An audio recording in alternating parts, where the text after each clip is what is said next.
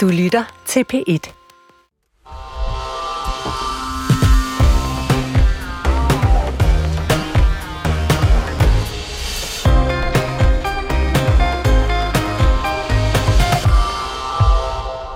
det er jo en stor lettelse, fordi det, jeg ved ikke, om man kan forestille sig, hvad, hvad, hvilket pres det er at være øh, tiltalt for øh, landskadelig virksomhed med en straframme på 12 år. Øh, det har været en, en rigtig, rigtig hård øh, belastning i den periode her siger tidligere forsvarsminister Venstremand Claus Hjort Frederiksen. Straffesagerne med anklager om landskadelig virksomhed mod tidligere forsvarsminister Claus Hjort og også tidligere spionchef Lars Finsen er nu droppet. Og dagen derpå, der står spørgsmålene i kø, også i P1-debat. For er det en sejr eller et nederlag for retsstaten, at sagerne om at røbe statshemmeligheder nu falder? Og kan vi som befolkning leve med aldrig at få et svar? Hvad siger du, Maj Mercado? Nej, det mener jeg ikke, vi kan leve med. Øh, og jeg mener, vi skal helt til bunds i den her sag. Faldt sagerne af hensyn til Danmarks sikkerhed, Bjørn Brandenborg?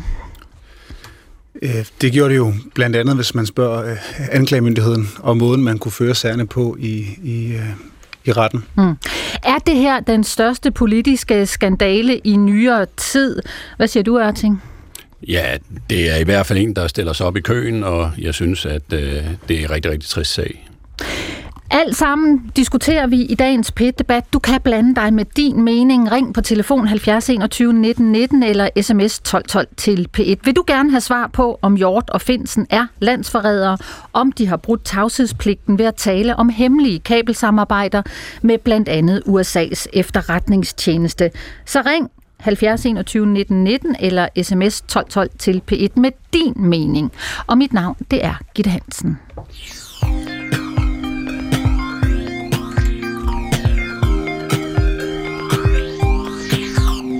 Og her er han så igen øh, den tidligere forsvarsminister fra Venstre, Claus Hjort Frederiksen. Altså, det er jo ikke sådan, at, at jeg øh, sidder og tænker, hold da kæft, nu har du røbet øh, en stor, øh, stor, stor, stor hemmelighed. René Offersen, goddag. Advokat øh, for netop øh, Claus Hjort her, øh, som sagt øh, en erfaren venstremand, en tidligere forsvarsminister. Og det var så i går, at tiltalen mod din øh, klient blev frafaldet. Den lød jo oprindeligt på brud på tavshedspligten og på at have røbet statshemmeligheder, øh, straffelovens paragraf 109. René Offersen, var du overrasket over, at sagen faldt i går? I går var jeg bestemt ikke. Øh, det har været, kan man sige, undervejs. Øh, først da man i Lars Finsen-sagen får tre kendelser, som øh, grundlæggende sager de forventninger, anklagemyndigheden havde til at kunne mørklægge sagen øh, væk under dem. Og øh, vi kunne også se med den øh, meget ligefremme og øh, hård, mm. håndfaste behandling, landsret, eller hvad hedder det, undskyld ikke landsret, men højesteret, gav øh, anklagemyndigheden, at vi begyndte at få en fornemmelse af, at der kunne være noget optræk til noget større i øh, forbindelse med de afgørelser, der skulle komme om mm. øh, både nævninger, men også om som det helt afgørende omkring dørlukning. Og der havde vi anlagt den øh, strategi, eller hvad skal man sige, at vi vil gerne øh, have en stillingtagen til, at der var noget uforeneligt ved at lukke døre, uden at tage stilling til, om et forhold var offentligt kendt. Og det øh, mm. lagde vi al vores energi ind på, og det betyder jo, at højesteret vælger så i fredags at træffe den afgørelse, at det ikke er nogen reelt, nogen statshemmelighed, i hvert fald ikke i dag, fordi at det er øh, folkeeje, det er almindeligt kendt, at øh, der er bare et kabelsamarbejde mellem øh, FE og øh, hvad hedder det, øh, NSA i, i USA. Og der ved vi jo godt, at fra nu af, nu er det kun et spørgsmål om, jeg vil sige, timer eller dage, før sagen den måtte finde sin afslutning. Mm. Den havde ikke noget rimeligt formål længere. Mm. Ja, fordi at øh, højesteret går jo ud der, som du nævner, René Offersen, øh, modsat byretten og landsretten i sagen mod Claus Hjort og Lars Finsen, og siger, at øh, den kan godt føres delvis for åbne døre, netop fordi, at øh, kabelsamarbejdet er kendt i den brede offentlighed. Og det var også vores påstand. Man skal lige forstå her, fordi det anklagemyndigheden, de havde nedlagt påstand om, eller fremsat begæring om, det var, at hovedforhandlingen, altså selve der, hvor man man hører al bevisfølelse og sådan noget, skulle mørklægges i sin helhed. Og det sagde Af vi, hensyn til rigets sikkerhed. Ja, hensyn til rigets sikkerhed. Og det sagde vi, det var der ikke øh, grundlag for, fordi der var ikke tale om nogen statshemmelighed. Men vi skriver direkte, kan man faktisk også se, det gengiver højesteret, at vi har fremhævet, at vi vil da have forståelse for, eller Claus Hjort Frederiksen vil have forståelse for, at det kan være nødvendigt måske at træffe beslutninger undervejs om at lukke for enkle spørgsmål. Mm. Der kunne for eksempel involvere højt placerede øh, mennesker, der skulle afgive forklaring, hvor det kunne være i sig selv et problem, at de afgav forklaring. Hvad ved jeg? Hvem kunne det være? Jamen det kunne være, hvis man skulle øh, bruge nogen fra for eksempel efterretningsvæsenet.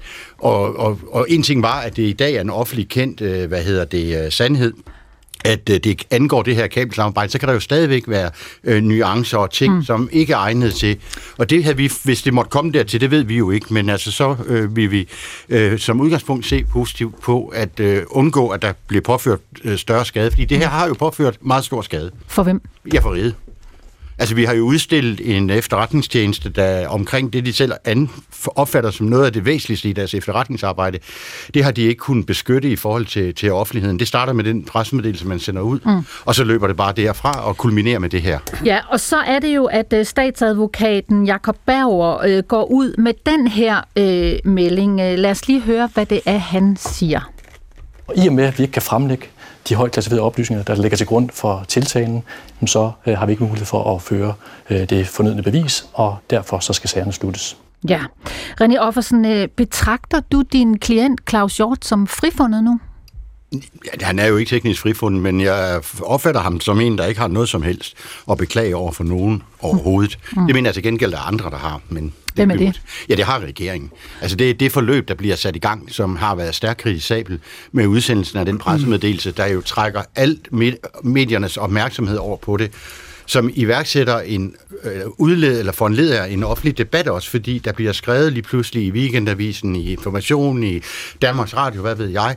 Claus Hjort, øh, kan vi jo se af højstrets han udtaler sig så op i flere lejligheder, hvor han kommer til at øh, omtale det her kabelsamarbejde. Men det er jo ikke, han er jo ikke en whistleblower, det er jo ikke et menneske, der går ud og siger, nu skal I høre, jeg vil gerne sætte fokus på, at vi har det her.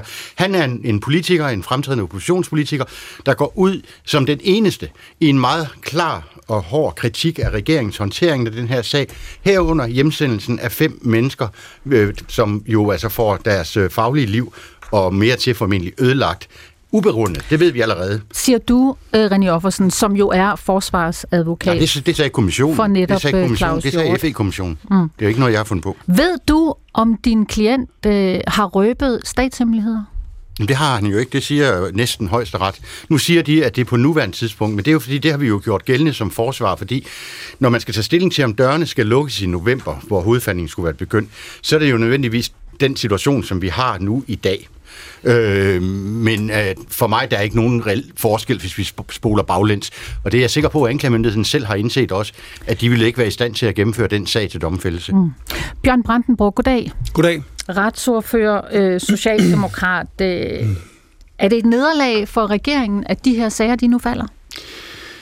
Jeg synes sådan helt principielt, det er noget underligt noget at tale om det her, som om der skulle være nogen, øh, der har tabt, eller nogen, der har vundet. Det her det er jo ikke en, det er vel vigtigt det, det er for dem, der er tiltalt. Det, det er vel vigtigt man, for dem, der er under anklage. Nu kunne det være, at hvis jeg lige fik lov til at tale færdigt, så kunne jeg jo få lov til at måske folde ud, hvorfor jeg sagde, at man... Ja, værsgo. Ja, tak.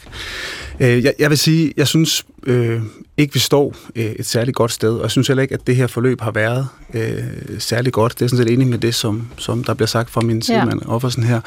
Øh, både for de personer, der har været i det, og i vores øh, myndigheder, også fordi vi nu står i en situation med noget øh, uafklarethed og med noget, øh, som, som jo sætter os i en, en vanskelig situation, sætter vores myndigheder i en vanskelig situation.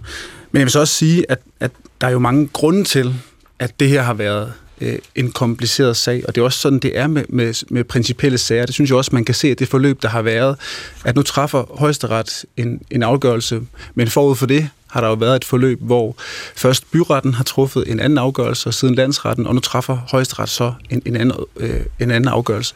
Og derfor synes jeg, at det, på den måde er det jo svært at forudse, øh, at det her det vil komme hertil.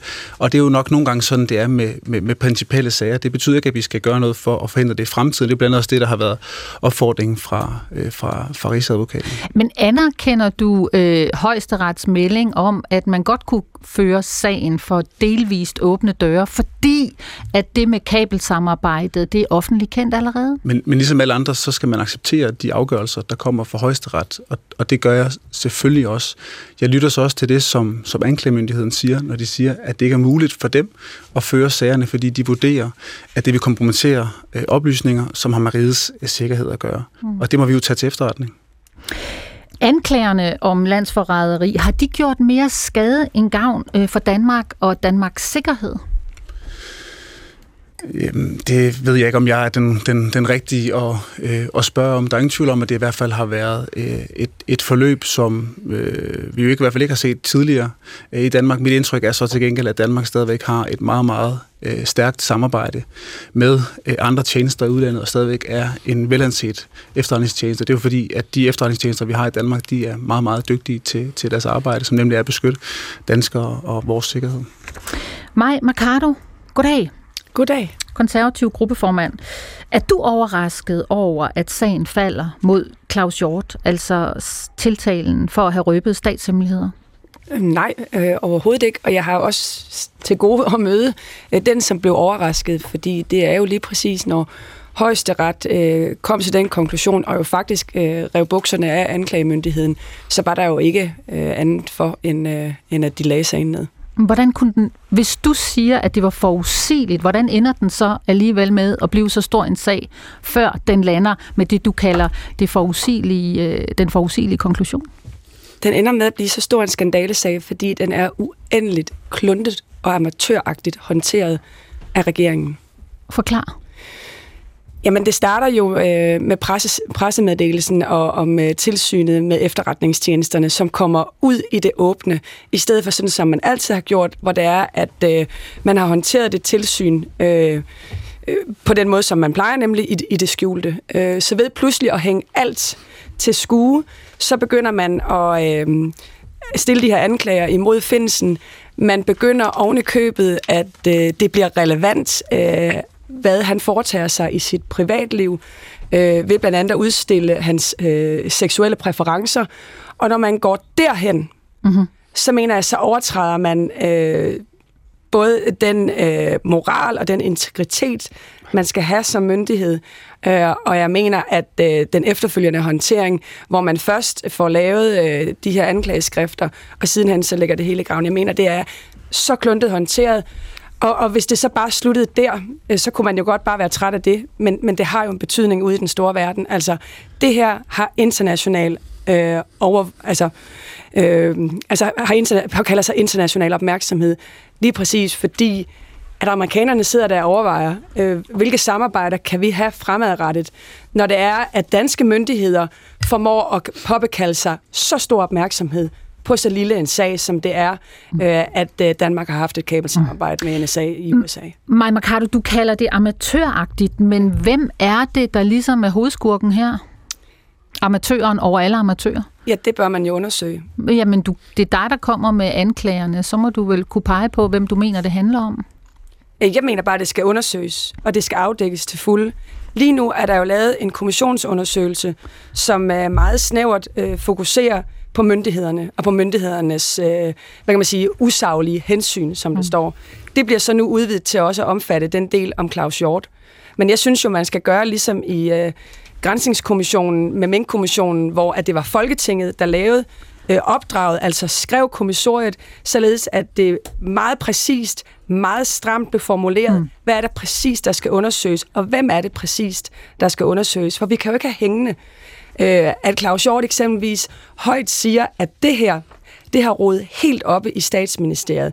De påstande kan man ikke bare have hængende i et demokrati, hvor at vi rent faktisk har som ønske, at borgerne har en tillid til vores institutioner. Mm. Og derfor bliver vi nødt til at komme hele vejen rundt om, at det regeringen præsenterede i går, der kommer vi ikke nær hele vejen rundt. Der kommer vi kun den kvarte vej Men nu taler du og, og refererer til Claus Hjort, som jo har nævnt departementchefen i statsministeriet ved navn, øh, og du taler om, måske har det rod op øh, i toppen af regeringen. Kan du sætte navne på, hvem du betvivler i den her sag? Jamen, jeg ved det jo ikke, for jeg er jo ikke orienteret. Jeg, jeg sidder ligesom alle andre danskere og har ikke nogen viden øh, om den her sag. Men jeg kan jo godt se, hvordan at øh, det ser ud, både i den danske presse og også internationalt, at det er noget roderi. Og så længe at mistanken klæber, så bliver vi nødt til at få det undersøgt. Mm. Har du tillid til regeringen i dag efter den her sag?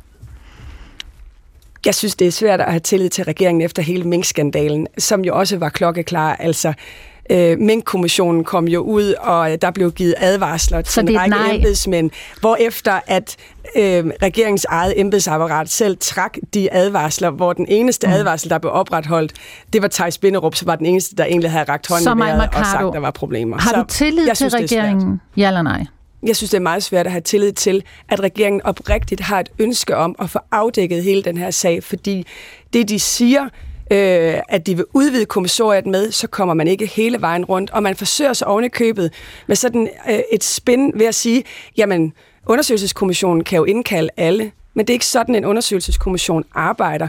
En undersøgelseskommission, som i øvrigt er tidsgrænset, afgrænset, vil arbejde med et meget smalt kommissorium, og dermed vil man ikke bare af sig selv mm. indkalde Mette Frederiksen eller bare Barbara Bertelsen, hvis ikke at det er en del af kommissoriet, og det er derfor, det skal være en del af kommissoriet. Siger du mig, Mercado, øh, gruppeformand for Konservativ. Torben Ørting, goddag. Goddag tidligere kontraadmiral, og så er du formand for det, der hedder øh, Folk og Sikkerhed. Har du tillid til regeringen efter den her sag? Altså generelt øh, synes jeg, det er et irrelevant spørgsmål. Jeg har tillid til vores retssystem, og jeg er dybt berørt af, at man ikke har fået lov til at få afgjort den her sag, hvor den hører hjemme, nemlig retten. Fordi der har været perlerækker af mennesker, der har haft en mening om den her sag, uden at have nogen som helst indsigt i, hvad der egentlig er foregået. Mm. Og det kan vi se fortsætte her i dag i den her debat. Det, der er kendskærning, det er, om man kan have alle meninger om øh, den tidligere forsvarsministers håndtering af sagen. Øh, det er ligegyldigt. Men der er intet der retfærdiggør, at nogen efterfølgende lægger det, der var den mest centrale hemmelighed, dansk efterretningsvæsen har, nemlig det her øh, hidtil klassificerede samarbejde med, med USA. Hvis vi fastholder, og det er jo det, som, som tiltalen er rejst om, omkring, er der sket en, en offentliggørelse, en lækage af de her ting, jamen så er det jo påvist, at der er det. Det er jo sådan, at man ved forhandlingerne øh, om øh, øh Lars Finsens varetægtsfængsling som øh, pågik under to retsdage i Østerlandsret, 20 timers øh, behandling, ja. hvor beviserne blev lagt frem osv. osv. Der konstaterede landsretten, at ud af, af seks ud af ni anklager, der var det begrundet anklager, som man fandt vi føre til domsfældelse, og man samtidig også konstaterede, at øh, mm. Lars Finsen ikke var i stand til at påvirke det øh, bevismateriale, der lå her. Øh, Tom Mørting, øh, bare for at øh, vi alle sammen kan forstå det, det kabelsamarbejde, som der bliver talt om, kan du sætte nogle flere ord på, hvorfor at det kan være farligt for øh, Danmark, at vi begynder at tale højt om det? Fordi at vi for det første oplever det her som en sag, der bare kan håndteres i vores egen andendom. Det her, det er internationalt efterretningssamarbejde, og det har noget at gøre med Danmarks troværdighed som samarbejdspartner. Øh, det skal selvfølgelig ske inden for de rammer, som det ligger, og jeg har forståelse, hvis jeg refererer til de øh, lækkede informationer, der er, at det har været helt op til regeringsniveau, at man har godkendt det, man har haft besøg af amerikanske præsidenter for at takke for det, osv. Og, så videre, og, så og hvad er det, der sker i det der kabelsamarbejde? Hvad kan vi tale om, der sker, hvis vi skal forstå Jamen, det? altså igen, hvis jeg tager de kilder, så øh, alt kommunikation, som vi udfører her i landet øh, med via elektroniske midler, det bliver tappet og analyseret. Noget af det ryger til en samarbejdspartner, andet øh, bliver herhjemme. Det efterretningssamarbejde, det har vi et tilsyn, der er sat i verden til på vores allesammens vegne og sikre sig, at det foregår på en ordentlig og, og, og, og lovmedholdelig måde. Mm. Det er det tilsyn, som jeg nu hører uh, Maj Mercado uh, tale ned om osv., men det er sat i verden for at beskytte dine og mine private interesser som borger i det her samfund. Det kaster man under bussen i processen, fordi man sovser det her ind i en generel politisk betragtning om, at Mette Frederiksen er dødsens farlig og, og, og alle de andre mm. skandaler, der har været. Men det har bare intet med sagen at gøre. tilsynet ligger i ruiner, og det består ikke af dumme mennesker. Man kan gå ind og se, hvem der egentlig sidder i bestyrelsen for det, og hvem der arbejder. Altså det tilsyn, der fører tilsyn med efterretningstjenesternes ja, og det, arbejde. og det, som lavede den pressemeddelelse. Og her skal jeg også lige pointere, at det er et uafhængigt tilsyn. De kan lave de pressemeddelelser, som de mener, de skal lave. Det har I sådan set aftalt i den lov, der ligger, mm-hmm. og som redegør for det her. Det kan de gøre, og det har de gjort. Og i den pressemeddelelse nævnes der ikke kabelsamarbejde med et ord. Mm. Så kan det godt være, at vores minister træffer en forkert beslutning, fordi at hun i forventning om, at den frie, kritiske, objektive fjerde statsmagt Altså den daværende forsvarsminister, den daværende Trine forsvarsminister Bramsen. har en holdning om, at det her det, det vil føre til et ramaskrig, når den der pressemeddelelse kommer ud, så hun øh, fjerner ledelsen og hjemsender den osv., mens den bliver undersøgt. Og, og, og der altså, kan man diskutere, om det var en rigtig eller ikke. Men der er intet i det her, der retfærdiggør de efterfølgende lækager, der er kommet. Okay. Det er det, der er det skadelige. Torben Ørting, altså, øhm, vil du sige, at der nu reelt er tale om en frifindelse af Hjort og Finsen for landskadelig Nej, virksomhed? Nej, altså øh, Hjort Frederiksen har jo selv erkendt, at, at, at, at han har øh, begået en dumhed og så videre. Problemet med Hjort Frederiksen, det er ligesom med alle de andre, der har været involveret i den her sag. De har ikke været bevidst om øh, straframmen for 109, og hvor alvorligt det her i realiteten er. Og så kommer man i den paradoxale øh, situation, at en mand, som i øvrigt har beskæftiget sig med lovgivning til højre og venstre gennem hele sin karriere, mm-hmm. synes, at den lov, som han nu bliver udsat for, ikke gælder for ham. Mm, altså paragraf 109 i straffeloven, mm, om at bryde sin tavshed. Præcis. Yes. Æ, med den viden, du har, Ørting, altså, hvad vil du sige, hvad tænker andre landes efterretningstjenester om Danmark lige nu? Jamen, altså, der er, der er ingen efterretningstjenester, som er sikre mod lækager. Det har vi jo set med Snowden og så videre, så der er ikke nogen, der peger fingre af. Man har idioter og muldvarper overalt, der kan gøre de her ting. Ja. Det er der forståelse for. Det, man bliver målt på efterfølgende, det er, hvordan man sanktionerer over for det her. Der er jo ikke nogen, der er i tvivl om, at når, hvis Snowden stikker snuden ud af Rusland, så bliver han taget og øh, retsforfulgt i USA. I øjeblikket, der sender vi det signal, at efter at vi har blotlagt et internationalt, dybt hemmeligt samarbejde, så har det SIP-konsekvenser. Så kan man spørge sig selv, hvor mange er interesseret i at samarbejde med en nation, mm. som beskytter de her interesser. Fordi det er ikke kun dansk anlæggende. Det, anlæg, altså det er hemmeligt i USA, og det er hemmeligt i Danmark. Vi oplever det bare som om, det er ikke hemmeligt mere, fordi at uh, mm. Berlingske Tiden har lægget en detaljeret beskrivelse Men- af aftalen Men og Ørting, omfang. det har jo været omtalt i mange medier. Altså, hvad betyder det her reelt for Danmarks sikkerhed? Altså, Jamen det betyder jo, at vi, at vi i værste fald på et tidspunkt, hvor vi virkelig har brug for informationer, ikke får de informationer, vi ellers er vant til at få. Om hvad? Altså, jamen, det kunne jo være om, om, om forestående terrorhandlinger, om, om, om andre ting. Hvis der bare er en skygge af tvivl om, om at, at man risikerer at brænde sine kilder eller lukke, lukke nogle øh, kanaler den vej rundt, så får man ikke informationerne. Så enkelt og grimt er det i efterretningsverdenen. Det kræver, at man har tillid til dem, der modtager det.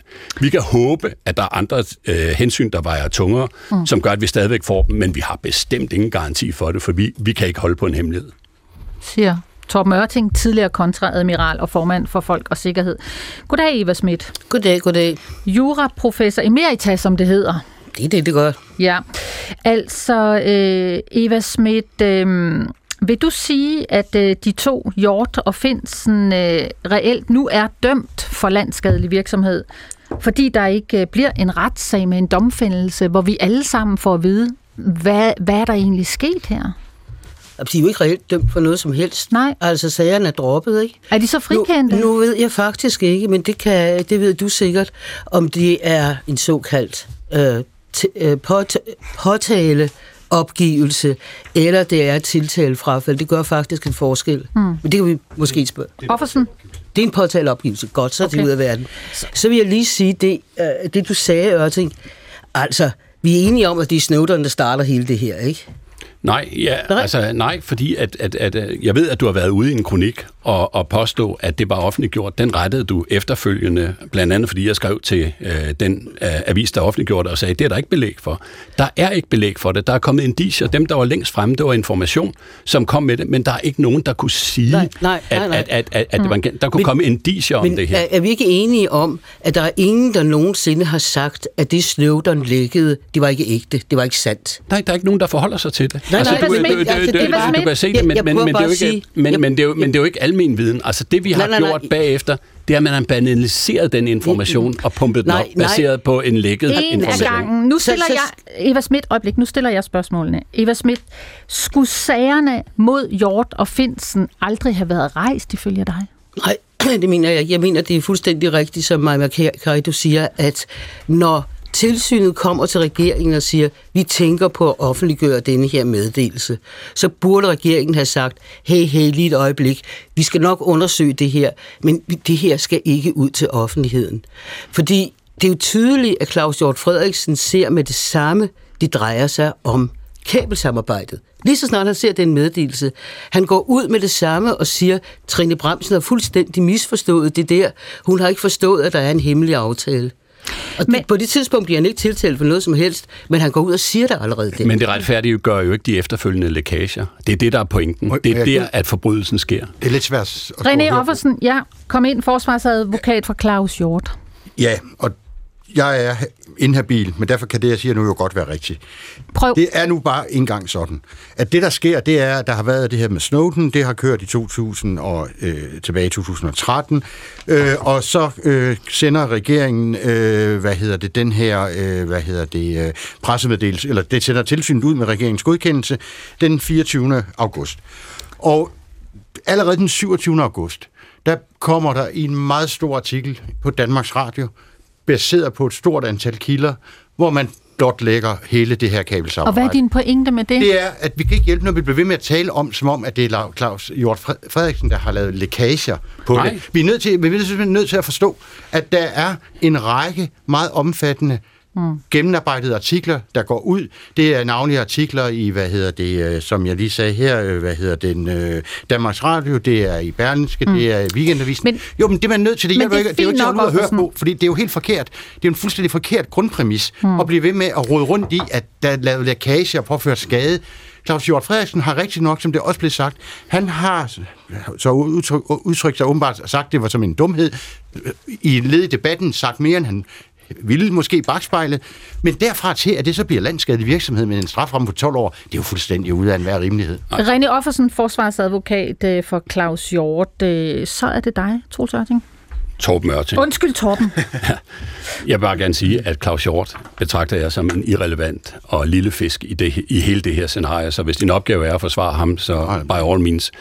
Hans øh, brøde i den her sag er, at han som forhenværende forsvarsminister, med al den indsigt og viden, han har, går ud og bekræfter nogle oplysninger, som ikke er bekræftet. Han er en autoritativ bekræfter af det her samarbejde. Der er ikke nogen andre, der har gjort det. Alt andet hviler mm. på indicier. Så lad mig spørge på den her måde, fordi Claus Hjort har jo sammen med Finsen, øh, spionchefen, den tidligere spionchef Lars Finsen, været tiltalt for overtrædelse af netop straffelovens paragraf 109 styk 1, der lyder ved i forbindelse med en række interviews at have røbet eller videregivet hemmeligheder af betydning for statens sikkerhed og rettigheder i forhold til fremmede stater.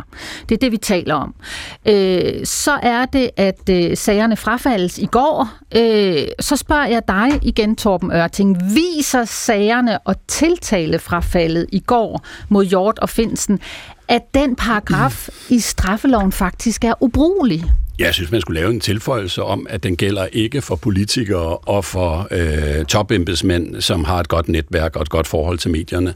Så ved man, hvad rækkevidden er af den. Hvad mener du med det? Der mener jeg med den, at, at vi har jo set den her sag pro- procederet siden, at den blev rejst i medierne og andet. Der er jo ikke sket noget som helst, uden at det har været en, en oversidig historie. Der er en total skævvinkling af historiedækningen i den her Så du sammenhæng. taler om forskelsbehandling. Det gør jeg i hvert fald.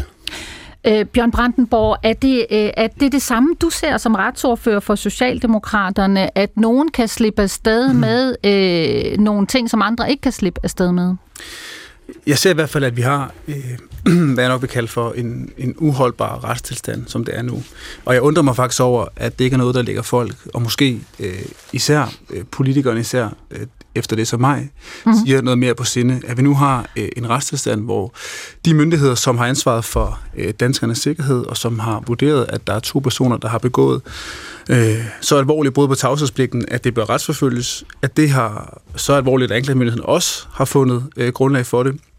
Men det vurderer højesterets efter deres kendelser ikke, ikke er muligt. Hvorfor der ikke er nogen ud over regeringen, der bekymrer sig over det, og det er jo også lidt det, som jeg i hvert fald hører øh, Fra Torben Ørting. Torben sige, mm. at det er, jo, det er vi jo nødt til at, at gøre noget ved, og det er også derfor, justitsministeren i går på baggrund af det, der sagde, at det er uholdbart, og det er vi nødt til at finde ud af, hvordan vi skal håndtere fremover, så vi undgår de her situationer. Så Bjørn Brandenborg, vil du også sige, at loven, som den er i dag, er ubrugelig, når vi taler for eksempel om tidligere spionchefer og tidligere ministre?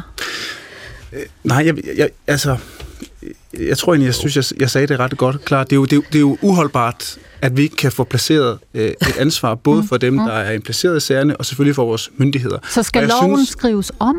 Ja, det, vi, det vi har været ude at sige nu, er jo, at vi i hvert fald øh, skal have kigget på det og har jo bedt anklagemyndigheden om at komme med deres forslag til, hvordan man kan undgå det her fremover. Så ja, vores forslag er, at vi er nødt til at få kigget på den her lovgivning, fordi det er selvfølgelig meget uholdbart, at vi ikke har mulighed for at følge de her sager til dørs, fordi anklagemyndigheden siger, at der efter en processuel afgørelse den 12. oktober nu ikke er mulighed for at føre de her sager hensyn til statens sikkerhed. Det er enormt utilfredsstillende. Mm. Maja Mercado, som øh, konservativ gruppeformand, øh, tænker du, det er lovgivningen, der er problemet? Jeg opfatter det mest som øh, en forsøg på at, at fordreje debatten. Altså, øh, først så taber man de her sager på, øh, på jorden, så er det lovgivningen, den er gal med. Øh, og jeg synes egentlig, at man bør gå tilbage til noget af det, René sagde i starten, nemlig at når højesteret jo ret tydeligt siger, at det, der er genstandsfeltet, det er de udtalelser, der faldt i Libert. Øh, og det kan man godt delvis kører for åbne døre, og der er mulighed for at lukke dem, når der er øh, begrundet, altså en, en begrundelse for det. Så siger det jo i hvert fald mig som helt udenforstående. Jeg har ingen indsigt i, hvad der er op og ned inde i den sag, men så siger det jo mig, at så er det de udtalelser, det er baseret på, og intet andet. Og så synes jeg, det er meget at bruge en lov om landsskadelig virksomhed til at gå efter en oppositionspolitiker, som har sagt noget i et interview, som ingen i udlandet ville have opdaget nogensinde var blevet sagt, hvis ikke det var fordi, det var blevet blæst op ved, at der blev, ansat, altså, at der blev fremsat øh, de her øh, sigtelser mod både øh, Hjort og Finsen. Men Maja Mercado, hvad skulle en ansvarlig regering ellers gøre, altså hvis der er mistanke om en tidligere minister er i gang med at røbe øh, statshemmeligheder, som kan skade Danmark? Man skal vurdere, hvad er det øh, for oplysninger, der øh, er delt. Og hvis det er rigtigt, det jeg antager, nemlig at det er Libert-kommentarerne, så vil jeg da Altså antage... der snakker vi om Claus Hjort, der er på besøg yes. i TV2-programmet øh, hos øh, Verden Søren Libert. så vil jeg antage, at man i den almindelige verden vil kalde Claus Hjort over til et møde med nogle brede PET-folk og efterretningsfolk og sige, det der, det stopper lige nu. Og ellers så sender vi hele maskineriet efter dig, for du går over grænsen. Men der er skaden det jo at allerede tage- sket. Men er den det? Fordi alle har jo i overvis talt om det her kabelsamarbejde. I overvis har man jo haft den her drøftelse. Og spørgsmålet er, er der virkelig nogen, som sidder og tænker, at fordi Claus Hjort har sagt i et Libert-interview, at der er et kabelsamarbejde, at så er det at sidestille med at afsløre statshemmeligheder. Jeg tror, de fleste kan sige, eller jeg tror, de fleste, der sidder derude, vil sige, at den her sag er fuldstændig vredet ud af proportioner, når man begynder at tage seksuelle præferencer hos øh, Lars Finsen ind i, øh, i, i anklageskrifter og lignende, så synes jeg, vi er langt forbi, hvordan mm. at man ordentligt håndterer sådan nogle sager her. Tom Ørting? Ja, men altså, det er jo forstemmende at høre, fordi det her, det drejer sig om noget helt andet. Øh, Det her, det drejer sig om, hvorvidt at man har en, øh, en sikkerhed for, at hemmeligheder kan forblive hemmelige eller ej. Det, der sker i øjeblikket, det er, at vi banaliserer alle de her ting og gør det til almen viden osv. osv. Seksuelle præferencer. Der er jo ikke nogen, der gider at forholde sig til Lars Finsens seksuelle præ- præferencer, hvis det ikke har været sådan, at de på en eller anden måde gjorde ham afpresbar. Fordi sådan virker det også. Hvis man har de her ting og de her informationer om afvigende adfærd, som han ikke har meddelt ind i forbindelse med en sikkerhedsgodkendelse, så har man et problem, og det bliver man nødt til at informere Så samarbejdspartnere om. det er vigtigt at vide, hvilke seksuelle præferencer en, øh, en spionchef har? Ja, det er vigtigt at vide, hvad økonomi han er, og alle de andre punkter, som gør, at man kan have tillid til, at han har adgang til de betroede informationer, som han har her. Eva Schmidt, øh, juraprofessor emerita, altså hvad skulle en ansvarlig regering have gjort, hvis ikke præcis det, den har gjort, og forsøge at sikre øh, landet? Jamen, må, jeg, må jeg ikke lige anholde det der med, at nu skal hele lovgivningen laves om på grund af denne her sag. Højesteret har truffet en fuldkommen konkret afgørelse i en specifik sag. Vi har den lovgivning, som gør, at der kunne være fuldstændig hemmelighed. Det er den byretten og landsretten har fulgt. Den kunne højesteret også have fulgt. Men højesteret gik ind og sagde, vi er højesteret. Vi kan ikke bare lade os nøje med, at efterretningstjenesten mm. siger, uh, det her er så også hemmeligt, så der skal lukkes dørene. Vi vil vide, hvorfor det er så hemmeligt. Og det vi kan se er, at hovedsagen, som man må, må forstå det, både i Finsens sag og i i høj grad Claus Hjortagen, det er det med kabelsamarbejdet, og det er en offentlig hemmelighed. Okay, nu skal I høre, der kommer øh, en del sms'er og telefoner ind her, mens vi står og diskuterer i øh, dagens PET-debat. I får lige nogle stykker her. Der er en her fra Anna-Marie i Søborg, hun skriver, som borger i Danmark føler jeg stærkt trang til at sige, at sagen mod Claus Hjort er så politisk betændt og farlig samtidig. Statsministeren øh, og Mink Barbara, det må være øh, Barbara Bertelsen, departementchefen, der menes skal undersøges. Jeg har længe haft den største mistillid til Danmark som retsstat. Øh, så er der en her, der skriver, naturligvis er de ikke landsforrædere, men øh, de er derimod ofre for politisk justitsmor, øh, skriver John Jørgensen. Så er der en her, øh, der skriver, øh, jeg er almindelig borger i landet, placeret i midten af det politiske spektrum, og jeg har fortsat tillid til myndighederne, og jeg finder det på sin plads, at også en tidligere minister skal stå til ansvar for at tale over sig. Venlig hilsen Torben Jensen i Aarhus. Så er der Peter Berndt fra Vandløse. Goddag, Peter. Goddag. Hvad er din holdning i den her sag? Jeg må sige, at jeg, jeg, jeg, jeg er så rystet, så jeg, jeg næsten ikke kan udtale mig om det. Men, Hvad er du rystet men, over? Altså det første, jeg er rystet over, det er, at man helt automatisk bundler de her to sager, at det er blevet Hjort og Finsen. Mm-hmm. Det er to forskellige sager. Altså, jeg, jeg forstår ikke, at fordi Claus Hjort skal off the hook, så skal Lars Finsen også. Vil du gerne have haft, at de her sager var fortsat, så vi ligesom fik en afgørelse, så vi alle sammen kunne øh, få at vide, om, øh, om der faktisk er tale om, at de er skyldige, eller det omvendte? Altså, det ville vi aldrig få at vide, fordi Lars Finsens sag er jo ikke blevet erklæret, at den skulle køre for hverken åbne eller halvåbne døre, så det ville den aldrig komme til. Men den skulle køre. Jo, jo. Jo, jo, siger, øh, siger juristerne her i studiet. Mm. De har, ingenting med, altså, de har bare ingenting med hinanden at gøre. De bliver bundet som om de to sager, og nu kom der. Og jeg er ked af det, undskyld. Altså, jeg ved godt, at jeg ikke er jurist, og jeg ved også godt, at jeg ikke er emerita eller noget som helst. Men, men, men jeg bruger min, prøver at bruge min sunde fornuft. Ja, så lad mig spørge dig og... på en anden måde. Hvis du skal udtale dig som lægmand, Peter, altså betyder det noget for dig, om vi får afgørelser i de her sager eller ej? Er det lige meget? Det betyder noget for retssikkerheden. Fordi... At man forfølger de sager. Og jeg var ryst, jeg vidste et sekund efter, at højesteret havde sagt, hvad de sagde i forrige mm. uge.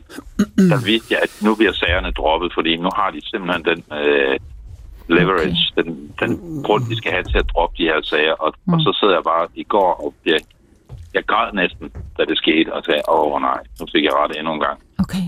Og det, altså, der er sådan, jeg tror, der, man, kan, man kan bare ikke sammenligne de to sager, og jeg tror bare, og mm. det, det vil være fint med mig, at Lars Finsen sag kørt for lukkede døre, det har jeg ingen problemer med, jeg vil bare okay. gerne have den kørt. Ja.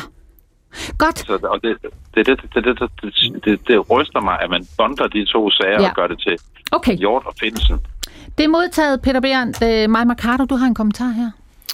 Jamen, jeg synes med de sms'er, du læste op, mm-hmm. er et meget godt øh, billede på, hvordan det står ude i befolkningen. Altså. Der er en gryende mistillid. Der er en mistillid til politikerne. Der er en mistillid til institutionerne. Sådan hører du det. Sådan hører jeg det. Helt, og, og det står jo... Helt ærligt. Det står jo blandt andet på ryggen af hele Mink-kommissionen. Mink-kommissionen, som jo det... altså afgiver kritik der bliver uddelt advarsler, mm. som embedsværket Men... selv ender med at fjerne. Og nu har vi så muligheden for rent faktisk at få undersøgt det her til bunds. Bjørn og så spørger jeg, så spørger jeg Bjørn Brandenborg, hvorfor er I ikke vil være med til at skrive det ind i et stramt kommissorium, som kan nå det inden for den tidsafgrænsning, der er lagt op til, eventuelt udvide med et halvt år eller lignende, at man både skal undersøge det politiske niveau, og man også samtidig skal udvide genstandsfeltet for, hvorfor foregik de aflytninger af findelsen, hvorfor blev Claus Hjort anklaget? Bjørn Brandenborg. Helt ærligt mig, jeg synes, det er rystende at høre på det der. Altså grunden til, at der er folk, der skriver ind og siger, at det her det skulle være politisk motiveret, at der skulle sidde politikere og først overbevise anklagemyndigheden, og derefter overbevise øh, efterretningstjenester, først efterretningstjenester og anklagemyndigheden, hvad man skal gøre, det er jo blandt andet fordi sådan nogen som der selv sidder og påstår, øh, at der skulle være politisk indblanding i det her. Det er jo det er langt Nej, ude, det og det, er, og det er enormt... Men det er ikke korrekt. Og det er, jeg har lad mig ikke sagt, færdig. at der og er det politisk og det er, indblanding. og nu det har er Bjørn enormt Brandenborg ordet. underminerende for den meget, meget store tillid, der er til vores retsstat. Men du det, lægger mig ord i det, munden. det, fungerer, det fungerer sådan i dag, at øh, efterretningstjenesterne i, den her, i det her tilfælde har vurderet, at der er sket noget ulovligt. Det giver de videre til anklagemyndigheden, der vurderer, øh, at det er der også sket. Derfor rejser de sagen. Det er det, anklagemyndigheden gør. De rejser ikke sager, hvis ikke de forventer, mm. at de kan vinde Men, øh, de sager. Bjørn, lad Så er der lige- truffet nogle processuelle afgørelser, der gør. Men jeg synes, jeg synes man skylder jo også at spørge konservative og Maja Mercado, hvad deres svar så er. Altså, hvad er dit svar til myndighederne, der siger, vi har ikke mulighed for øh, at føre øh, de her sager, samtidig med, at vi passer på landets sikkerhed? Men der var jo mulighed for at føre de sager. Det gjorde de jo. Den kom jo både igennem byretten og landsretten, og man så vælger anklagemyndigheden jo selv at frafalde den. Men jeg må bare sige, jeg har ikke været ude at sige, at der er politisk indblanding, for jeg ved det ikke, men jeg har sagt, at det skal undersøges. Du har og det er sagt- simpelthen for nemt, Maj, nu når det er, at du beskylder mig. Det, du, fo- du, når- når- fodrer når du de konspirationsteorier. Du, under, du Nej. underbygger de konspirationsteorier, der er, og Jeg du gør siger, det igen det i hele radioen skal- i dag. Det er så skadeligt jer. vil du ikke lade Nu- med at afbryde mig nu? Nu jeg, afbryder jeg jer, Maja Mercado og Bjørn Brandenborg, for det er nødt til at være en, der taler ad gangen. Og nu stiller jeg spørgsmålet igen til dig, Maja Mercado. Hvad bygger du det på helt konkret, når du siger, at det er amatøragtig håndtering, og vi må have undersøgt, om der har været en politisk ageren? Fordi det var jo aldrig blevet til en sag, hvis ikke at øh, man var gået ud og øh, var begyndt at anklage både Claus Hjort øh, mm. Mm. for at, øh, at have sagt det, han sagde i Libert, så havde det gået under Så radaren. er du dermed, som Bjørn Brandenborg er inde på fra Socialdemokratiet som retsordfører, med til at puste til det, nogen kalder konspirationsteorier? Nej, for jeg er ikke med til at, øh, at bære dem videre. Jeg har et reelt ønske om at få undersøgt det her til bunds. Øh, men det er jo en klassisk øh, debatteknik, at øh, så forsøger man at, øh, at skyde mudder tilbage, fordi man står med en dårlig sag, men vi kan jo spørge Bjørn Brandenborg. Nu spørger er jeg, nu spørger jeg øh, her, øh, Bjørn Brandenborg, som retsordfører for Socialdemokraterne. Nu, nu spørger jeg dig. Har du fuldstændig tillid til øh, toppen i Socialdemokratiet ikke har været indblandet i den her sag på en eller anden ufordelagtig måde? Men jeg synes, helt det der, jeg synes, det der spørgsmål, det er så vildt. Altså, Okay. om, om der skulle have været politisk indblanding. Og, og, og, og, Men Peter er Hummelgaard, din justitsminister, tale- var selv ude og kommentere på det tale- i går. Må jeg godt lige tale færdigt? Jeg tror, han sagde det der intet, øh, der tyder på. Jeg sagde det måske så lidt på en lidt mere øh, direkte måde til dig, fordi jeg synes, at det, der foregår, når man gør det, når du stiller det spørgsmål, øh, og når andre politiske med- og modstandere insinuerer det, er det enormt skadeligt. Jeg tror, man glemmer, hvad der ligger bag det. Det er, at man skulle have øh, politiske øh, partier, hvor, hvor øh, nu render mig rundt i studiet Ja, her. det var fordi, jeg var kommet til at slukke for en at man mikrofon. skulle have Undskyld. politiske partier og politikere, der kunne overbevise øh, først deres efterretningstjeneste om at, at retsforfølge nogen, så derefter øh, anklagemyndigheden, og så det sidste også, hvis man er heldig, kan overbevise domstolene. Det er jo noget, der hører til i en bananrepublik, og ikke noget, der hører til øh, i Danmark. Jeg synes, det er langt ud, og jeg synes, man skal holde op med det. Alle fingre er i vejret. Øh, Vi har tre minutter tilbage på den her side af radioavisen, og så fortsætter vi igen efter tre minutters nyheder fra radioavisen. Maja Mercado, du har ordet nu. Tak. Jeg vil gerne spørge Bjørn Brandenborg, hvad de gode argumenter er for ikke at lave en tilbundsgående undersøgelse. Hvorfor er det ikke vigtigt at få lavet øh, en skarp afgrænsning af et kommissorium, som både skal kigge på det politiske spor, fordi blandt andet Claus Hjort jo har været ude at sige, at det her har rødder helt oppe i statsministeriet. Jeg ved ikke, om det er rigtigt, men vi bliver jo nødt til at få det undersøgt. Skal jeg svare? Ja, tak. Nå, men jamen, jeg vil, jeg vil, altså det, det, vi sagde efter den afgørelse, der, der kom, og, og det forløb, der var i går, det er jo, at vi skal have det her undersøgt. Og derfor er der lagt op til at, at udvide øh, FE-kommissionen. Og Med det, der, usaglige hensyn hos myndighederne. men, men jamen, jeg tror, Kun det, jeg tror, virkelig, jamen, jeg tror, det er jo sådan, når vi vedtager lovgivning, det ved du alt om, det er, at nu er der en måned, tror jeg, hvor Folketingets partier jo kan drøfte, hvordan det kommer til at se ud, og det har vi jo tænkt os at gøre. Okay, alle fingre i vejret. Øh, der er noget, der ligner halvanden minut tilbage af den her første afdeling af PET-debat. Eva Schmidt, det er dig. Ja, når du siger, at der har ikke været politik et år, så er det forhåbentlig ikke rigtigt. Fordi hele øh, retsplejeloven siger jo, at det er justitsministeren, der rejser den sag. De to sager. Ja, efter indstilling fra anklagemyndigheden. Det er ikke Justitsministeriet, der har siddet og kigget, hvem har jeg lyst til, at vi skal rejse en sag mod nu. Sådan fungerer det jo ikke. Nej, nej, op, men, nej, men justitsministeren skal være inde over, og skal være inde i sagen. For, og hele ideen med det er jo netop, som mig også sagde, måske er det klogest ikke at rejse denne sag. Måske kan vi hjælpe Danmark og efterretningsvæsenet bedst ved i, i stillhed at klare det her. René Offersen, du har også markeret nogle gange. Jeg vil blot lige sige omkring... Jeg, du har 20 hvor, sekunder. Hvorfra, hvorfra kommer sagen? Til, da jeg kommer ind i sagen som forsvar tidlig i 22, der kommer der en, en, en anledning, der gør, at jeg skriver i Berlingske Tidene, øh, at den her frem, sag fremstår som noget, der er kommet til efter pres oppefra. Og det gør den på grund af den øh, mængde dokumentation og andet, jeg kan se, der ligger til grund for den sigtelse. Der er ikke foregået en almindelig efterforskning, før han blev sigtet. Siger du, forsvarsadvokat René Offersen. Ja. Sådan noget vi øh, frem til øh, næsten en radioavis. Hæng på, der er mere debat efter tre minutters friske nyheder fra netop radioavisen. Du ringer bare fortsat på 70 21 19 19 eller sms'er 12 12 til P1.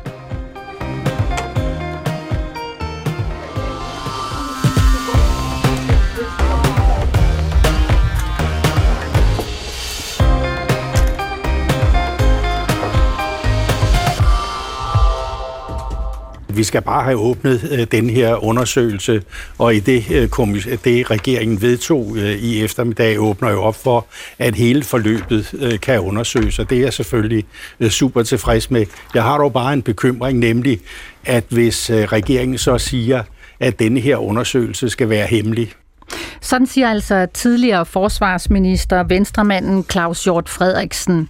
Straffesagerne med anklager om, land, om landsforræderi mod den tidligere venstreminister Hjort droppes, og det samme gør så også sagerne mod den tidligere spionchef Lars Finsen og en tidligere øh, PET-ansat med navnet Jesper.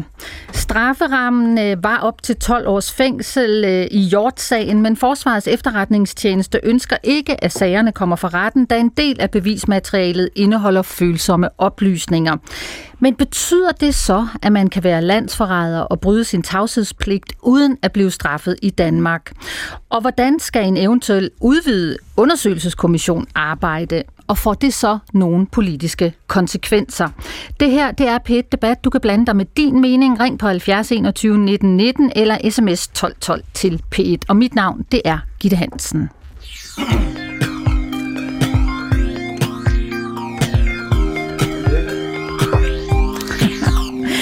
Maja Mercado, konservativ gruppeformand, der er lys i din mikrofon.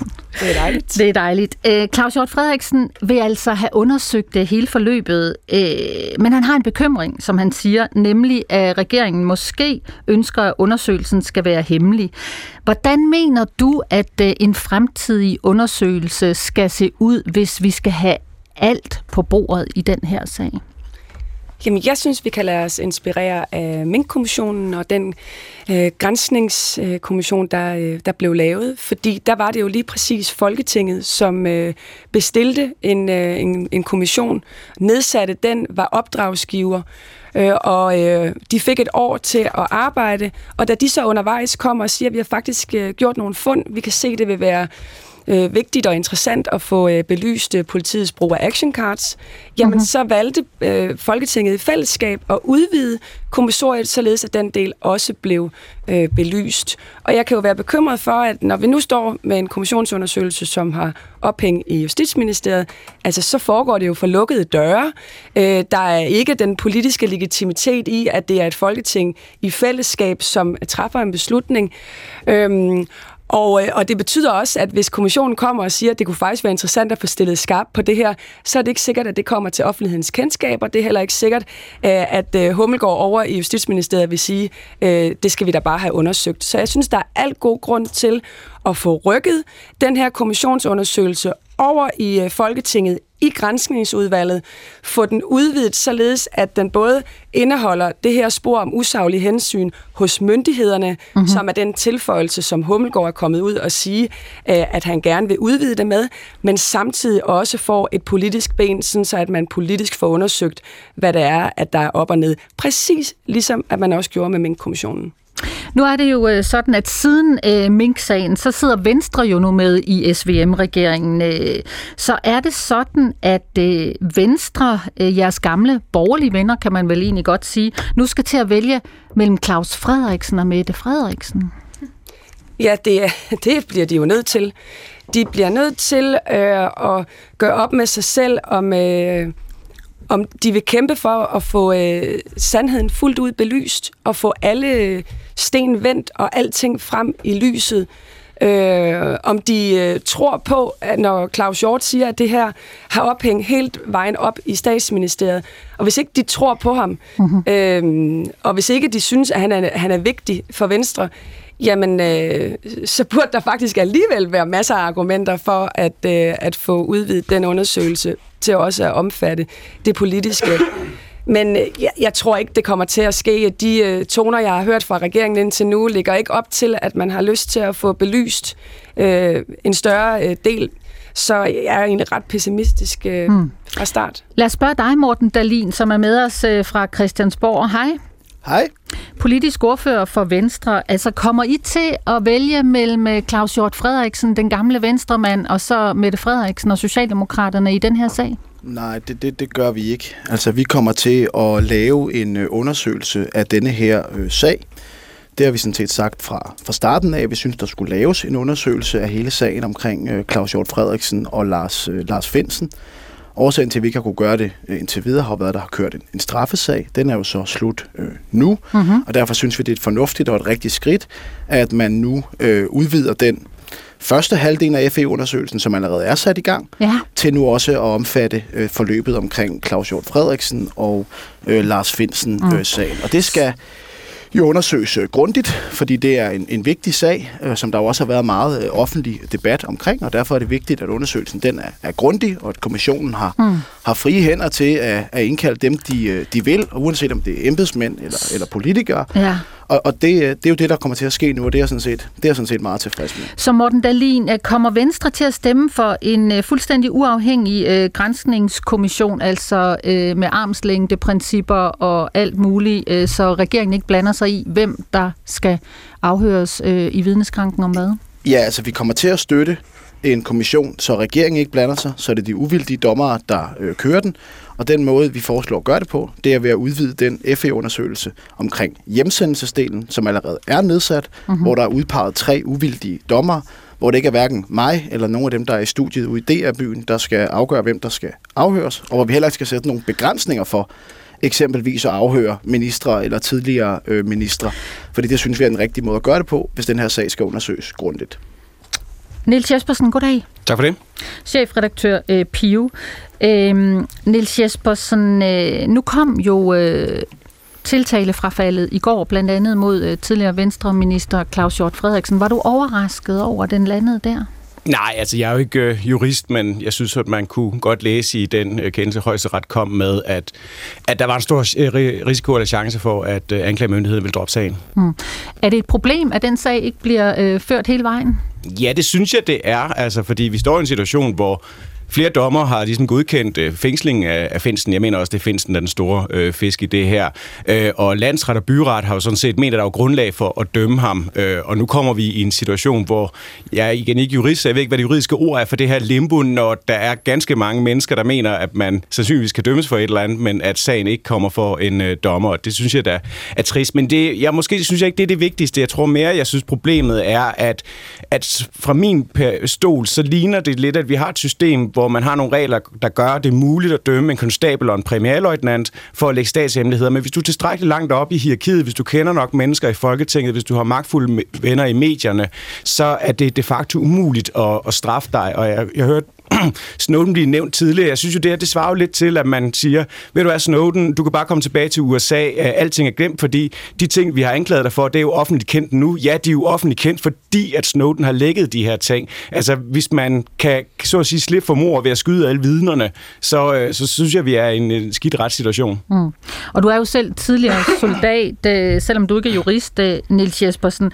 Men altså, er det så en lovændring, der skal til for, at det bliver muligt fremover over øh, at dømme mulige øh, landsforrædere, altså folk, der har forbrudt sig mod tavshedspligten øh, til skade for, for Danmark? Altså, jeg synes jo grundlæggende, det skal være muligt at dømme også folk i toppen af samfundspyramiden, og ikke kun i bunden. Øh, men jeg tror, jeg synes, der er en kommission, der er vigtigere, og det er, hvordan får vi lavet et sikkerhedsapparat i det her land, der svarer til den trussel, vi er udsat for. Fordi at vi har en, en militær efterretningstjeneste, forsvar efterretningstjeneste, det ligger som en si. Ja. Øh, vi har en øh, forhåndværende chef, der sådan laver sit eget PR-arbejde, når han er hjemsendt. Mm-hmm. Vi har haft en forsvarschef, som har et ret let forhold til det med fortrolighed, som får massage under fortrolige forpligtelser. Og det med dumme politikere, det kan vi ikke rigtig håndtere. Altså det er oplysninger, der har været fremme undervejs? Ja, øh, mm. og, og dumme politikere kan vi ikke rigtig garantere os imod, fordi det prisen for at leve i demokrati. Men, men det er jo som om, at man er nødt til at kunne for eksempel antage, at man kan have en efterretningstjeneste, der sådan kan holde på hemmeligheder. Det er ret centralt. Og jeg kunne godt tænke mig en kommission, der, der, der kiggede på det i stedet for os. Også kiggede på for eksempel at sige, jamen altså, vi har et uafhængigt tilsyn med efterretningstjenester, som jeg så kan forstå på mig Mercado, at det er ret skidt, at det øh, tilsyn er uafhængigt. Det skulle ikke være uafhængigt alligevel. Ej, det skulle forsvarsministeren gå ind og, og ændre på. Altså, måske er det en dum idé at have et uafhængigt tilsyn med efterretningstjenester. Det er der ikke særlig mange andre lande i verden, der har. Måske har politikerne lavet et system, som, når det så skal virke, mm. faktisk viser sig at have ret katastrofale konsekvenser. Det synes jeg, vi skal have en kommission, som kigger på i stedet for. Maja Mercado? Hvis vi skal undgå, at øh, det her ender i en stor tillidskrise ude i befolkningen, så bliver vi nødt til øh, på ansvarlig vis at træffe nogle beslutninger, således at vi får den her undersøgelse mere frem i lyset. Og det er blandt andet, at den får ophæng i øh, Folketinget det er også, at den får åbne afhøringer, ligesom Mink-kommissionen den havde. Og det er, at hvis der er behov for tillægskommissorier, øh, som Mink-kommissionen også havde, at så er det Folketinget, der træffer beslutning. Og det er jo lige let købt, når Morten Dalin han siger, jamen øh, undersøgelseskommissionen kan jo bare spørge, hvem den vil. Den kan jo bare indkalde Mette Frederiksen. Det kommer den ikke til at gøre, hvis ikke at det er beskrevet udførligt mm. i det kommissorium, at der også skal være et politisk spor fordi en undersøgelseskommission vil altid henholde sig stramt til, hvad det er for et opdrag, den har fået, især fordi den arbejder tidsafgrænset, og der er sat en deadline for, hvornår den skal være færdig. Og det er derfor, det er afgørende vigtigt at få skrevet ind, at det både skal være embedsværket, der skal undersøges, men at det også skal være det politiske niveau. Og jeg synes ærligt talt, at det er mærkeligt sådan at kæmpe imod at få alle sten vendt i den her sag. Senior Stampe, goddag. Goddag. Retsordfører for Radikale Venstre. Du sidder og sukker lidt, når diskussionen kører. Hvad er der galt med, øh, med den problemstilling? Ja, men det er jo fordi, der går politik i den. Altså, du starter selv, og det er ikke for at give dig skylden, Gitte, for det er jo også sådan, debatten er derude. Er det Frederiksen mod Frederiksen? Ikke? Er det det ene parti mod det andet parti? Så fortsætter Nils og siger, uh, nej, det er et spørgsmål om det er høj og lav. At øh, nu kan de dem højt op i systemet, de med de gode forbindelser, de kan åbenbart slippe, men det kan de små ikke. Det er jo lige præcis det, der er galt ved den her debat. Altså, det er jo ikke, øh, det kan godt være, at der er nogen, der sidder med et særligt ansvar, men for mig er det her jo også en sag, der handler om et system, hvor der er noget, galt. Altså, der er helt klart nogen, der har begået nogle fejl, men der er også nogle, mm. kan man sige, nogle brist i, i vores system. En af de ting, som jeg synes, øh, og, øh, og det er sådan set ikke en ny betragtning, det har vi længe vidst, som jeg synes er mest kritisk, det er, at man har indhentet tilladelse til at total overvåge Lars Finsen i hans eget hjem i 17 måneder. Altså den tidligere under henvisning til mm. en paragraf for landsforræderi, der giver op til 12 år. Under den overvågning finder man så ikke noget som helst, han har begået forud for den overvågning. Man finder så nogle mindre ting, og det er jo i virkeligheden så dem, den her sag skulle handle om. Det er øh, forbrydelser, som, øh, øh, som, som kun kan berammes til en, en, øh, en domsmandssag, og det vil sige med en fængselsstraf under fire år. Det synes jeg jo i sig selv er problematisk, at du får lov til at varetage eller lave et så vidtgående indgreb i øh, friheden, øh, så finder du i virkeligheden ikke det, der var grundlaget for, at du gjorde det indgreb. Du finder så nogle andre små ting, og, og så ruller du en sag op om det. Det er jo i sig selv en gigantisk systemfejl. Og øh, hvor ligger ansvaret, ikke... Senior Stampe, Jo, men det er jo der, hvor jeg siger, at, at for mig er det her ikke en eller anden øh, vis skyld af det, for det er jo i virkeligheden også en systemfejl. Vi har faktisk regler i retsplejeloven om, at man ikke må oppuste sigtelser, for så til gengæld at få lov til at lave de her store indgreb men lige præcis de, de, øh, de øh, bestemmelser af, af øh, straffelovens paragraf 12, som handler om øh, mm. øh, landsforræderi, undtaget. Det er jo en, kan man sige, det er jo ikke, der peger jeg jo ikke fingre af nogen bestemte, der siger, det er jo en systemfejl. Der passer vores regler ikke godt nok øh, på, på Så hvad er det, der skal ændres? Jo, men det er bare, jeg bliver frustreret over, det er alle de der interesser. Det kan jeg altså, se. Prøv lige at, der er knytnæver øh, i luften. Jo, men ja. det er jo fordi, det her det handler om sagen, det handler om systemet, hmm. det handler ikke om Mette mod Claus, eller det mod handler jo om nogle øh, mennesker- FE-chefen mod en konstabel, og Hmm. jeg bliver bare harm, når det bliver brugt på den måde, når det bliver politiseret, fordi det er jo lige præcis det, vi skal forhindre. Det er en politisering, og vi skal rydde op i vores system, så vi slipper for den politisering. Torben Ørting. Jeg må ikke bare i al stilfærdighed minde om, at øh, øh, Østerlandsret faktisk gennemgik sagen i forbindelse med varetægtsfængslingen af, af Finsen. Øh, ud af, af ni anklagepunkter, der fandt retten, at der var begrundet formodninger om, at han kunne øh, strafforfølges for seks af dem efter paragraf 109. Så jeg synes ikke, at vi skal bagatellisere, hvad det her det drejer sig om. Øh, Det var 20 timers forhandlinger i Østerlandsret, der ledte frem til det her resultat. Hmm. Og vi skal også huske på, at, at landsretten også drog en beslutning om, at beviserne var så stærke, at man ikke så nogen grundlag for at opretholde sigtelsen, fordi at øh, han kunne ikke påvirke øh, det materiale, der ligger der. Ah, men prøv lige at høre. De får lov til. Der er jo, altså, PT går jo for en dommer, og det gør de mange gange, for de her overvågninger skal jo løbende øh, øh, fornyes efter fire øh, uger.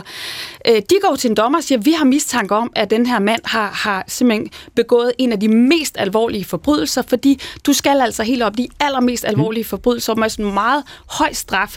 Mm. Det er det, der retfærdiggør, at vi kan lave den her, det her meget voldsomme indgreb. Men de finder jo ikke noget under den her 17 måneder lange overvågning, Men det får kan de du jo ikke garantere, når du der starter får en- de jo ikke ved det dokumentation for. Jamen, fordi tiltalen handler om forhold, der er foregået under overvågningen. Okay. Og, det handler, og det ved vi jo, det handler om, at han har talt med to journalister og fire familiemedlemmer. Hvorimod det, man jo egentlig fik indtryk af, det var jo, at manden havde siddet og sendt øh, øh, papirpost med statshemmeligheder til fremmede tjenester. Senior Stampe, jeg vil og det gerne... er bare en undersøgelse værd, og det handler i virkeligheden ikke om personer. Det handler også om en, øh, et, et system, som ikke giver den tilstrækkelige beskyttelse mod sådan noget her. siger du, Senja Stampe, retsordfører Radikale Venstre. Jeg vil godt lige tage øh, jer med et nyt sted hen i debatten, fordi øh, Claus Hjort Frederiksen, øh, der i går sad øh, på TV2 News hos øh, Søren Libert, øh, han sagde øh, blandt andet det her. Hør lige øh, en gang. Altså i mit tilfælde, øh, der startede den her sag med Barbara Bertelsen. Som, Departementchef i statsministeriet? Som øh, under vores sidste gang, vi hilste, hilste på hinanden. Du og jeg, vi sad her den 15. december 2021, Netop. ja. Og under den udsendelse, øh, der ringede hun til, øh, hvad hedder det, departementchefen i Justitsministeriet, øh, og bad ham nu sørge for, at nu skulle munden lukkes på ham, Hjort. Er det noget, du tror, eller noget, du ved? Det er noget, jeg ved, men jeg vil ikke fortælle dig, hvordan jeg ved det.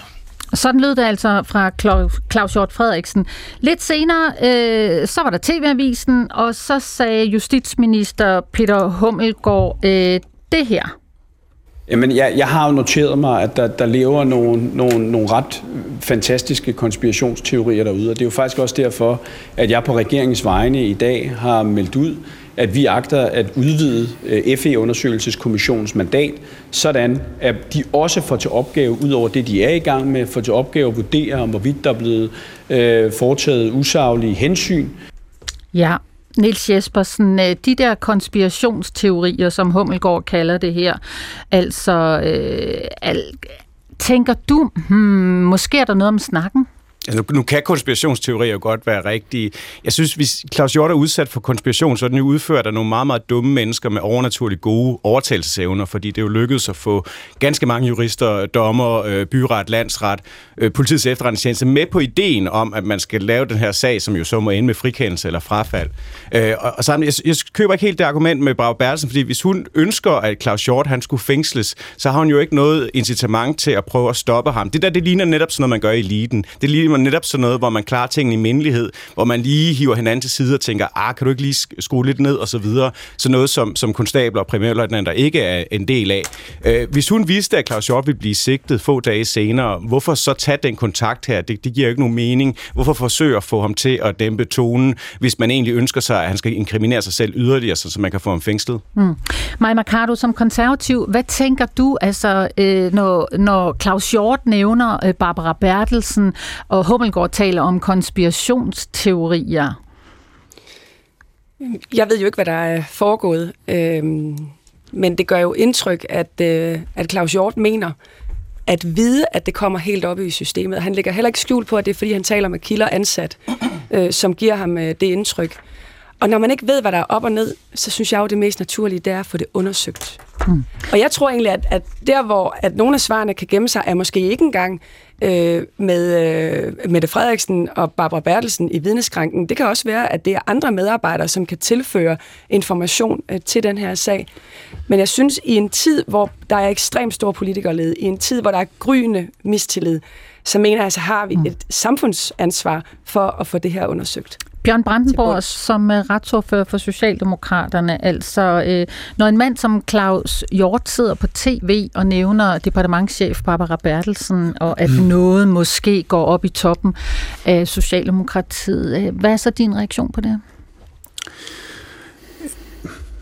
Jamen altså, jeg ved snart ikke, hvad jeg skal sige. Altså, jeg synes også, når, når, når mig, du, du fortsætter jo det samme spor, som du gjorde den sidste time, vi var herinde. Altså, du taler om, der er en... Altså sporet om åbenhed. Der, der er en tillidskrise om konspirationsteorier. Du taler om, der er en tillidskrise i befolkningen om, at uh, uha, og hvad må der i virkeligheden ligger bag det her og sådan noget. Jeg tror bare, Øh, nu gen, gengav øh, Niels Jespersen lige før næsten det, jeg sagde i den sidste time, altså mm-hmm. hvad, hvad man skulle have præsteret, hvis det her skulle være politikerne, der ja. havde bestemt det her.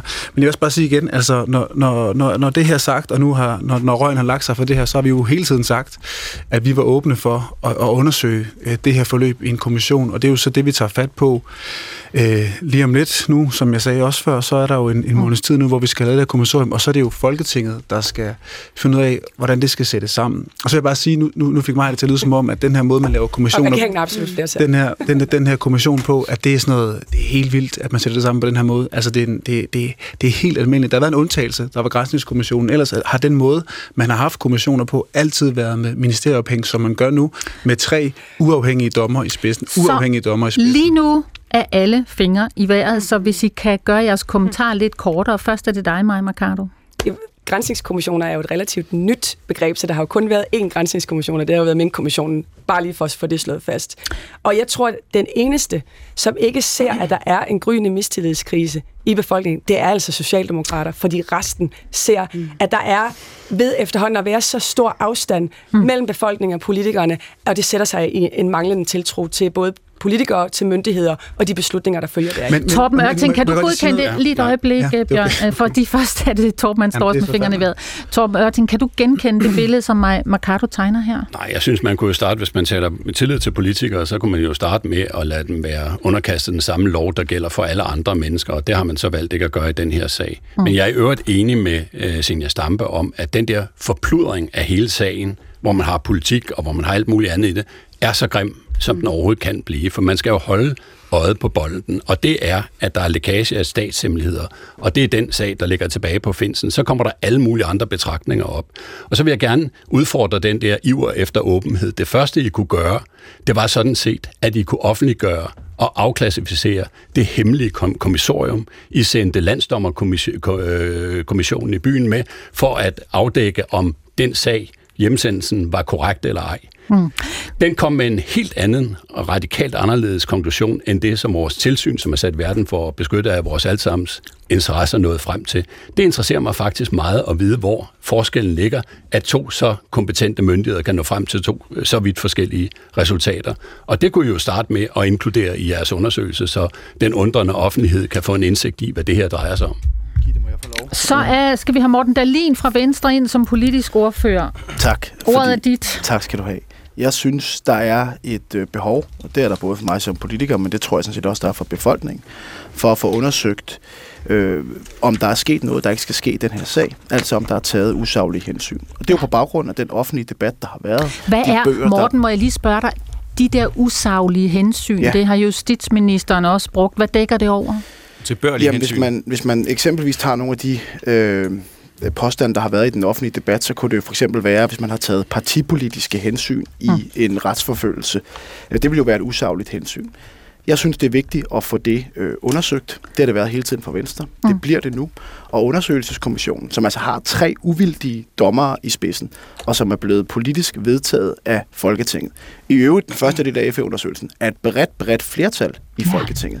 De får nu frihed til at undersøge, om der er sket de her usaglige hensyn, og det bliver selvfølgelig på de niveauer, om det er embedsmænd, om det er anklager, om det er politikere, så har de mulighed for at gøre det, fordi vi naturligvis skal finde ud af, om der er taget de her usaglige hensyn, uanset hvem der så måtte have taget dem. Jeg skal lige spørge dig, Morten Dalin, for nu, øh, nu peger øh, Claus Hjort Frederiksen jo øh, på TV2 News øh, på Barbara Bertelsen. Øh, har du tillid til, øh, øh, Barbara Bertelsen ikke har været øh, på nogen måde indblandet her?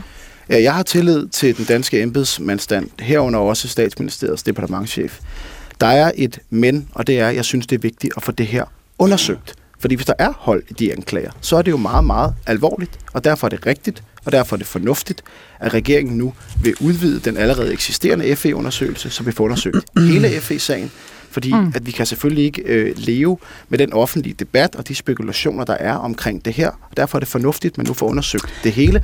Og det er også fornuftigt, Gitte, og det er vigtigt at få med, at de har mulighed for at indkalde både nuværende ministre, tidligere ministre, øh, embedsmænd, anklager og hvem de vil i forhold til at finde ud af, om der er sket de her usaglige hensyn på noget tidspunkt, både i forbindelse med iværksættelse, tilrettelæggelse, efterforskning og retsforfølgning. Altså en grundig undersøgelse af tak. det Tak, Morten Dalin, for at sparke det ind i øh, dagens pæt-debat fra, fra politiske ordførerposten i Venstre. Senior Stampe, Radikale. Ja, ja. Altså, øh, hvis du går ud og spørger folk på gaden, hvad handler den her sag om, og hvem er under anklage, øh, så vil du få 117 forskellige svar. Og det er jo det, der er pointen, synes jeg, med den her sag. Det er, at alle er jo under anklage. Claus Hjort, Lars Finsen under anklage, anklagemyndigheden er under anklage, statsministeren er, Barbara Bertelsen er, Trine Bremsen er, osv. osv. Pilen peger i alle retninger. Og det, jeg ønsker, det er jo også en undersøgelse, der ikke handler om at finde ud af, hvem skulle så have skylden. Der er mange kokke involveret her, tror jeg, øh, der på en eller anden måde deler et medansvar. Det, jeg håber, vi kan komme ud af, ud af sådan en undersøgelse med, det er jo også at finde ud af, hvor er det, at vores system har nogle brister, så der overhovedet er rum til usaglige hensyn. Og jeg håber, at vi kan komme derhen, fordi hvis det bare bliver sådan en undersøgelse, der handler om, hvor skal man smide mest mudder hen, eller hvor skal pilen mest pege hen, mm. det, det vil undergrave tilliden til os politikere, det vil undergrave tilliden til systemet. Det, der kan genoprette tilliden til systemet, det er jo også, at vi kan pege på, hvor er det, at vi ikke har for eksempel et tilstrækkeligt godt tilsyn. Det er også en del mm. af historien, det er jo, at tilsynet ikke har tilstrækkelige beføjelser, misforstår nogle ting. I virkeligheden starter sagen jo, jo der. Der er også noget med netop det her med oppustede sigtelser, der giver, anled, eller der giver grundlag for, for, for overvågning osv. Der er rigtig mange systemfejl, øh, som okay. jeg også håber, vi kan få, få kastet lys over ved sådan en undersøgelse. Så det ikke bare handler om, jamen var det så Lars Finsen, Claus mm. der skulle sidde med aben tilbage, eller var det uh, Mette Frederiksen og Barbara Bertelsen? Så enkelt er det ikke. Der er et minut tilbage. Niels Jespersen og så mig Mercado. Det er en rørende omsorg for en mand, der har brugt hele sit liv på at overvåge folk uden dommerkendelse. Jeg synes, der er noget lidt morsomt ved, at øh, hvis det her blev udløst af, at øh, den TT-pressemeddelelse, så er det jo et resultat af måske for meget øh, offentlighed omkring efterretningstjenester. Nu skal vi så have en undersøgelse med endnu mere offentlighed. Måske skal vi prøve at overveje en periode med lidt mindre offentlighed omkring efterretningstjenester. Nej. Så vi vil jo gerne undersøge det hele. Venstre siger lige nu tydeligt, at de indstiller, at det kun er øh, myndighederne, øh, man skal sætte et fokus på, og det betyder jo grundlæggende, at det er Venstre, der smider Claus Hjort under bussen her. Sådan, det blev øh, de sidste ord i den her pæt-debat, der kunne have fortsat længe endnu. Der er mange holdninger, erfaringer, følelser og opråb. Bag programmet var Camilla Michelle Mikkelsen, øh, Christian Flækner Gravholdt, og mit navn det er Gitte Hansen. Tak til jer alle sammen for at være her, både her i studiet og på Christiansborg.